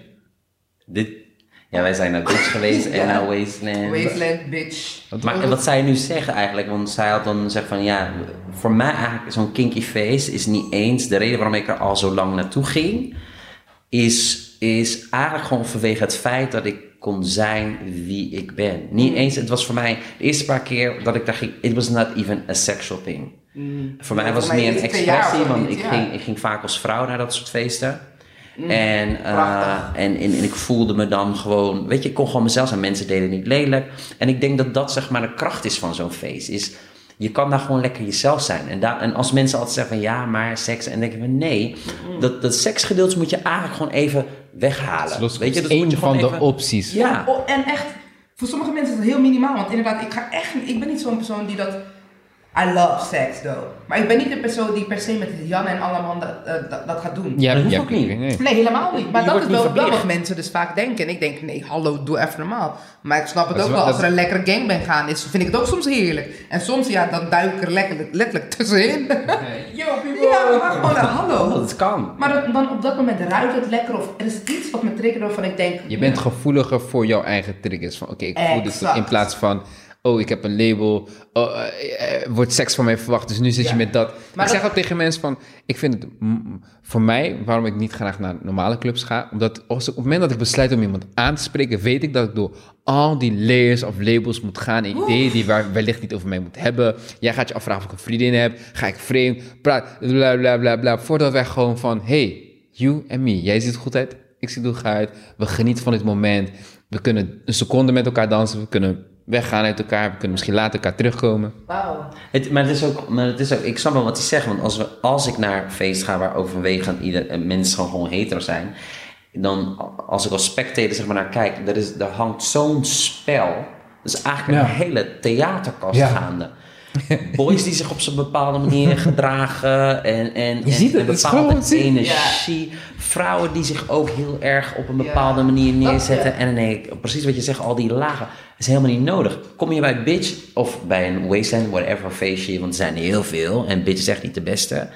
Ehm ah, negatief publiciteit. publiciteit. Maar al het feit dat iedereen zeg maar, naar het feest moet komen in een bepaalde dresscode, dat, dat maakt iedereen eigenlijk al een beetje kwetsbaar. Dus Ja. you all know, like, we're all in the same Exact. kind of thing. Het is bijna alsof je naar school gaat en je moet school, schooluniformpjes aan. Exact. dat is het. Dat, Snap maar dat, dit is echt, dat is het. Je gaat naar een feest waar een uniform wordt verwacht en we weten allemaal wat de richting is van het feest. Heerlijk. Dat creëert, dat is hetzelfde met eh, theater ook. Heel veel kaders die scheppen zoveel vrijheid. En het is gewoon een bepaald kader die zoveel vrijheid schept. En het is grappig, want ik, ik bedoel, ik zie dan wel die, die, die heteronormatieve zijn op een hetero party, maar ik ben dan weer andere soort. Ik ben dan echt die, die persoon die dan denkt, ik ga dit doorbreken, ik ga met jou dansen als man, alsof je een vrouw bent, ik ga met jou dansen, als een vrouw, alsof je een man, jawel. Ik ga juist dat ik, en dat neemt ze van mij ook omdat ik een een bepaalde persoonlijkheid heb en altijd met een soort van respect naar je toe, maar ik ga je wel uitdagen. Ja, maar ik, ik, ik kan dat bijvoorbeeld niet doen. Nee, nee, helaas niet, maar dat vind ik dan wel heel... Dat is heel grappig, want zij als vrouw zijnde en als vrouw zijnde die dan boyish is, dat wordt gewoon door de, door de hetero guy, laat ik door even, iedereen hè, laten we de gebruiken, dan wordt dat echt wel geaccepteerd, wordt tof gezien, wordt leuk gezien. Maar, eh, en, ik, en ik hou me echt niet in hoor, als het gaat om dansen hou ik me niet in. Maar wat zij zeg maar op de, op de feestjes flikt zeg maar, met mensen, hoe ze danst met mensen en wat ze allemaal doet, dat moet ik niet doen. Nee. Ik, Zeg maar, ik ga dan- ook je dan is schuren een als issue. man. Ik zet je gewoon, wat hetero man, ik schuur je gewoon van achter. En dan dat je denkt, oeh. En dan lacht men. Maar het is heel grappig dat als ik dat zou doen, en dat is ook wel bizar. Als ik dat zou doen met iemand, ook al is just being playful, dan, dan krijg je gelijk direct agressie. Direct. Grappig joh. Ik heb er nooit zo bij stilgestaan, man. Maar ook hetzelfde. Toen jij zei, oh ja, ik moet door die layers heen. Ik ben echt een... Oeh, ik hou ervan. Ik kijk vooral bij vrouwen, ik kijk ze aan. Ik, je komt naar me toe. En ik denk, oh ja, ik denk helemaal niet aan die lagen. Die komen een soort van, als een makkelijk schaapje. Want die worden dan heel vaak, oh ja, een vrouw die me, ik voel een soort van energie die, Ja. van een vrouw. Maar ze, Maar ze vinden het maar je ziet wat ze echt van genieten. En dat is dan het leuke dan weer van vrouw. En dat is dan het bijzondere, alles bijzonder, het is maar net wie het bekijkt. Wat, wat in, deze, in onze maatschappij is natuurlijk, het is zo normaal dat de vrouw zeg maar nieuwsgierig is naar de same sex. En dat wordt gestimuleerd door reclames, door mannen eh, die erover fantaseren dat twee vrouwen. Dus het is heel mooi om te zien dat een vrouw, wanneer zij eh, uh, wanneer zij dan kiest om dan met een vrouw te dansen, dat ze daarin mee kunnen gaan. En dat ze nog steeds zichzelf zijn. Er is niks ontnomen aan die persoons seksualiteit, aan Exact. gender, aan geaardheid, niks. Ik denk dat Maar zodra je een man daar neerzet, en een man doet dat naar een ander man, dan is het, dan, Gelijk. dan is het gelijk. Dus Ik denk dat het wel ook weer te maken heeft met, zeg maar, als je kijkt naar Power Spectrum, gewoon zeg maar, de energie, hoe zeg maar, het, het bewustzijn ook weer nieuwe vorm aanneemt, is vrouwen lijken wat te winnen door in dat stukje mannelijkheid te komen, zo'n mannelijke energie. En waarin mannen op eerste oog wat lijken te verliezen op het moment dat ze hun vrouwelijke energie accepteren. Dus daar speelt al een dynamiek van, hey, op het eerste oog, Maar het hoeft niet eens, je hoeft niet Ja. eens, er is niet eens vrouwelijke, snap je? Je hoeft niet eens te denken in man en vrouw, want het is eigenlijk Ja, is het gewoon ja. Twee ja, energieën die samenkomen. ja, dat, daar refereer ik naar, gewoon het mannelijke energie en het vrouwelijke energie. En waarin een man, zeg maar, connect van, hey, ik voel iets. En er hoeft niet meteen agressie uit te komen. En hoeft ook niet meteen te betekenen dat je, betekenen dat je gay bent. Nee, dat Hoeft is het. Snap je? Dat- Want dat wordt heel Dat- snel dat- geduigd dat van, is het. van eh, als ik met een man dans, dan, dan zegt dat iets over mijn mannelijkheid. Dan zegt het iets over mijn seksuele geaardheid. Maar eh, vrouwen hebben dat verder niet. Of we, denken niet zo bij. Kijk maar naar familiefeestjes. Hoe vaak dansen, Dansen de vrouwen dansen bij samen? elkaar en hoeveel de, de ooms. Ooms dansen heel zelden bij elkaar en dan een soort van met handen. Of, tegenover- of ja, dan is het humor. Ja, van ha, ha. Het is bijna nooit van, hé, hey, Ja. kom hier broer, laten we even lekker dansen. Nooit. Nee. Het is bi- bizar. Het is heel vreemd om te zien inderdaad. En dat is het leuke met, denk ik, met feesten als Bitch. Is omdat, want het is wel leuk ook als je bij Bitch bent en je bent een beetje aan het observeren hoe mensen... Je ziet precies welke, en dat zie ik nu bij Bitch dan, toen ik jou daar tegenkwam. Je ziet, Dat is je ziet- supergezellig. Je, je ziet, ja, maar je ziet ook alle groentjes. Je ziet heel duidelijk, want de, sowieso de, de gehalte... Outfit, de outfit de gehalte black is sowieso veel. Want toen wij, zeg maar, weet je Ja, nog... die, die avond was, eh, was, waren was er er meer. heel veel black Ja, folks. ja, ja. Want wij gaan er echt wel een tijd naartoe. En blackies kon je op je handen tillen. Zo. En nu was het dan zo, toen ik jou tegenkwam, was het echt een hele delegatie. Het was gewoon heel veel. Maar je merkt al meteen dat er ook een, in die groep een bepaalde onwennigheid is. Die Want- weet hoe- hoe- Nee, want als je kijkt naar, zeg maar, het is wel zo, als je gewoon naar, kijkt naar de white folks, die, zijn, die hebben een hele andere energie gaan op zo'n feest. Ja. Je ziet niet wie, wat, hoe. Nee, dit dat is comfortable. Ze komen Het naartoe. is- het is- ze Ja. geven je complimenten. De mannen Ja. raken je, je aan. Ze huggen je. ja. Whatever. Like, niet eens dat ze iets met je moeten. En als ze dat wel willen, who cares? Ja. Weet je, maar het is veel... Ja, het is, maar veel meer vanuit die seksuele vrije energie. En bij ons is het een soort van... Wat doe je hier? Of, oh, Wat denk je eh, wat we daaraan kunnen doen? Zeg maar, ik gebruik daarin voor mijn podcast. Weet je, ik wil natuurlijk op een dag mijn erotische club hebben. En voor mij een ding is van, ik wil er niet per se iedereen bij hebben, maar iedereen die uber interesse in heeft of er wat bij voelt, laten we dat gaan onderzoeken. Laat me verhalen aan je presenteren waar je misschien aan kan vasthaken. Waar je misschien weet van, hé, hey, oh, daar is die persoon ermee omgegaan. Oh, misschien kan ik dit ook doen. Ik denk dat wat je nu doet, zeg maar, hè, vanuit... Want stel je voor dat ik dit zou doen, dit gesprek zou aangaan... Dan zouden, denk ik, als ik weer labels... Dan zou de heteroman zich sowieso afsluiten en zou zeggen... Oh ja, maar die is gay, dus die is, voor hem is het dan normaal en is bla bla bla. En dan weet je, dan is er van, eh, wordt het al afgeschoven. Maar het feit dat jij het gesprek aangaat met mensen... eh, dat opent gelijk deuren. Mensen zijn dan al gelijk open om te luisteren. Het is hetzelfde als ik tegen een witte persoon zeg, ga uitleggen over racisme en zeg van hé, wat je doet, dit en dat. Dan merk je gewoon de witte persoon al gelijk al een soort van weerstand hebt. Terwijl als het een witte persoon is die tegen een andere witte persoon praat, dan is er een bepaalde openheid en ruimte om een gesprek aan te gaan. Dus sowieso wat je nu doet, zeg maar, met, eh, het gesprek aangaan met mensen, ik denk dat dat al gewoon eh, eh, heel veel kan doen. Ja. En plus, ja, praten. Ik, ik merk dat ook met de, weer nogmaals labels, de heterovrienden met wie ik spreek, die zeg maar in een bepaalde ruimte zitten waarbij ze denken, ja, ik wil eigenlijk meer eh, vrij zijn in mijn seksualiteit. Dat die het ook gewoon heel moeilijk vinden om met andere straight friends over te praten. Omdat ze denken van ja, ze vullen er sowieso al in voor de ander. Maar ze merken ook als ze, als ze een ja, maar ook al proberen ze een beetje het gesprek aan te gaan van hey guy, ik vind het wel fijn als een vrouw aan mijn billen zitten. Snap je?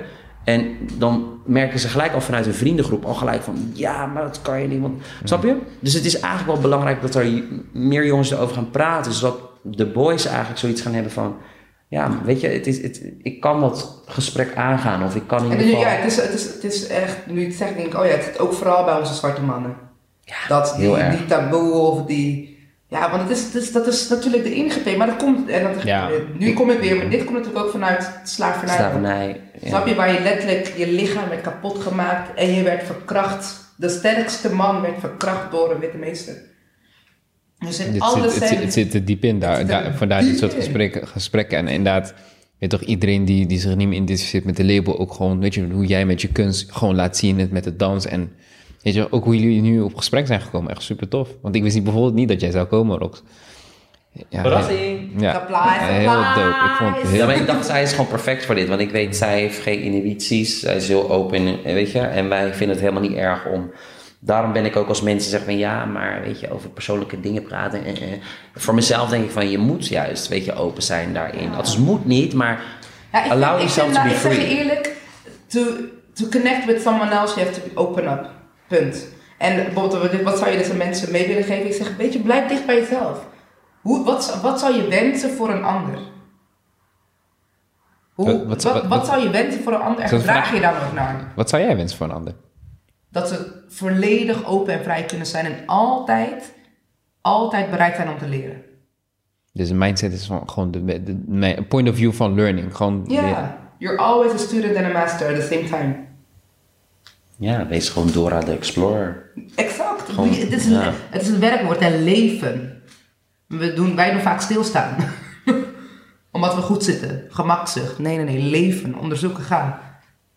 Ja, mooi man. Ik denk dat het mooi is om een podcast mee af te sluiten. Gewoon lekker jezelf zijn en leven. That's the only way. Ja. Ik weet al van, hey, wanneer, wanneer die club daar dichtbij is. Hallo. Ja. Door bitch.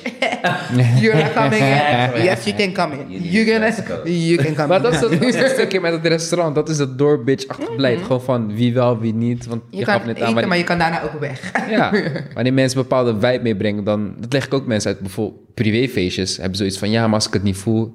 Ik zeg, weet je, het is een groepsding. Als één persoon zich niet goed voelt, geloof me, daar gebeurt helemaal niks. nou, Hoeft niet. Nou, maar ik heb wel feestjes gehad. Nou, ik weet wel dat het... Maar een feestje... Dan denk ik wel. Ja, maar dan... Ik denk, natuurlijk, die persoon is one time no more. Je, hebt, je hebt niet goed voelen en je hebt de vibe naar beneden brengen. Maar je hebt, ik weet zeker, Rox, laten we eerlijk zijn. Als, wij een- als er een feestje is en een en al zure mensen, laten we gewoon een zure verjaardag nemen.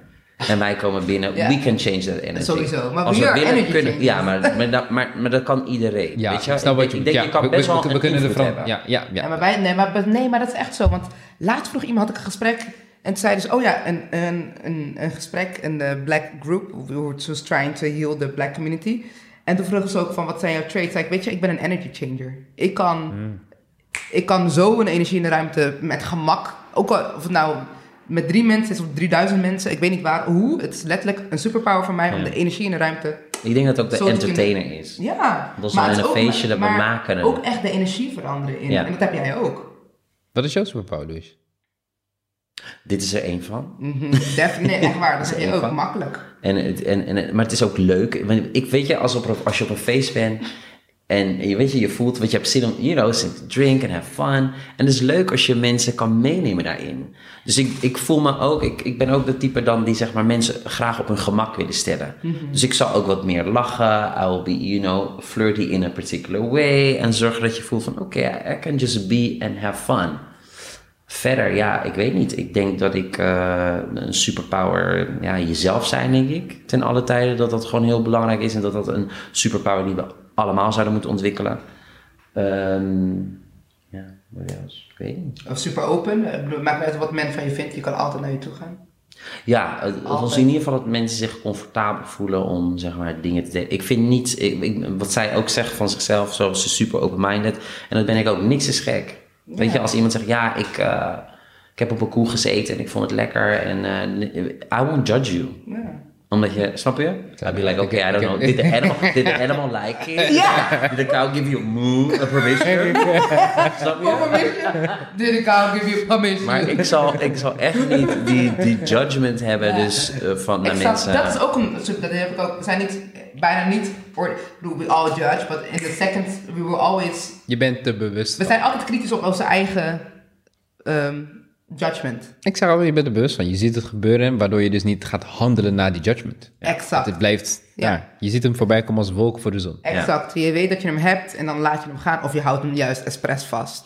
In sommige gevallen. Je denkt, hmm, let me wait here until you do something to change it. Ja, Toch? ja, maar, dat, maar wel vaak inderdaad positieve en ook gewoon een beetje mensen uitdagen om zichzelf te zijn. Ja. Daar houden we van, mensen uitdagen om zichzelf te zijn. En dat vind ik ook heel leuk, waar jij nu dan zo, echt waar, wat je zei met die, ook met die andere friends, zeg maar, de black community healen. Mm. En gewoon zorgen dat mensen gewoon, weet je, die, meer die open mind gaan krijgen en gewoon in hun eigen kracht, weet je, die black power. Gewoon. er zit kracht in het Er zit zelf. heel veel. En het is zo funny, want er vaak worden de black people gezien als very sexual.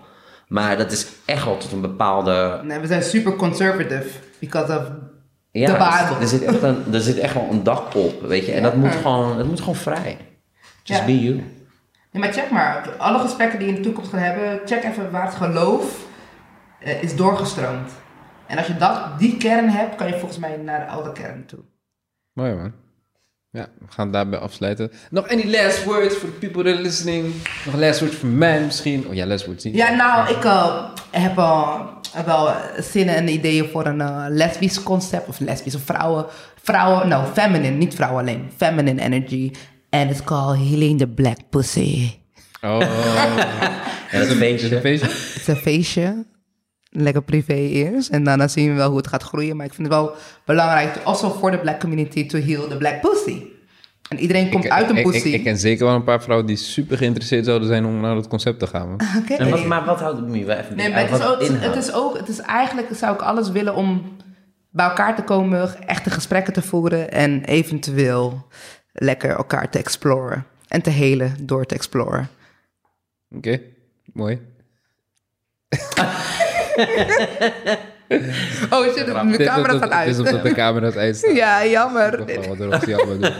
ik hele, nou niet hele Het is een performance. hele En, en, en, performance. en, en zijn Louis en ik welkom? Oh yes. Oké, we zijn jawel, welkom. jawel. Healing the black pussy. Nee, maar kijk, Die ja, die vrouwen moeten natuurlijk wel comfortabel zijn.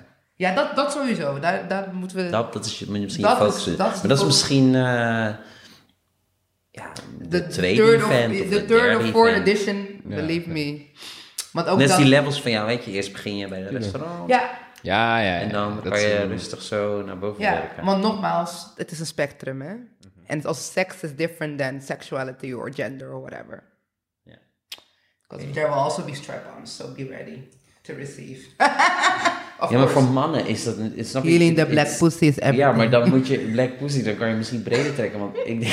je, je denkt, Ik, nee. nee. maar ik denk... Want de man... En wat eigenlijk... De vrouwen hebben daar niet zoveel problemen mee. Jij denkt gelijk, oh nee. Nee, nee, nee, maar luister, de vrouwen hebben daar echt niet zoveel problemen mee. Maar ik denk als je eh, de hetero man, zeg maar, eh, laten ontdekken hoe het is om, zeg maar, anaal bevredigd te worden of... That De, de, de, de G-spot zit, zit, zit in een... In your ass, so you Precies, maar toch heel veel mannen hebben daar toch een, een snap je? En denk Ja. ik van, ja, eh, daar gaat eigenlijk een wereld voor je open als je... Maar ik denk dus dat ik...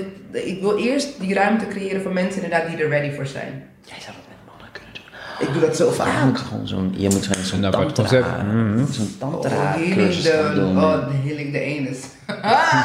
healing the anus, next edition. ja, het is wel Echt? lekker. Maar het is wel lekker. Ja, oké.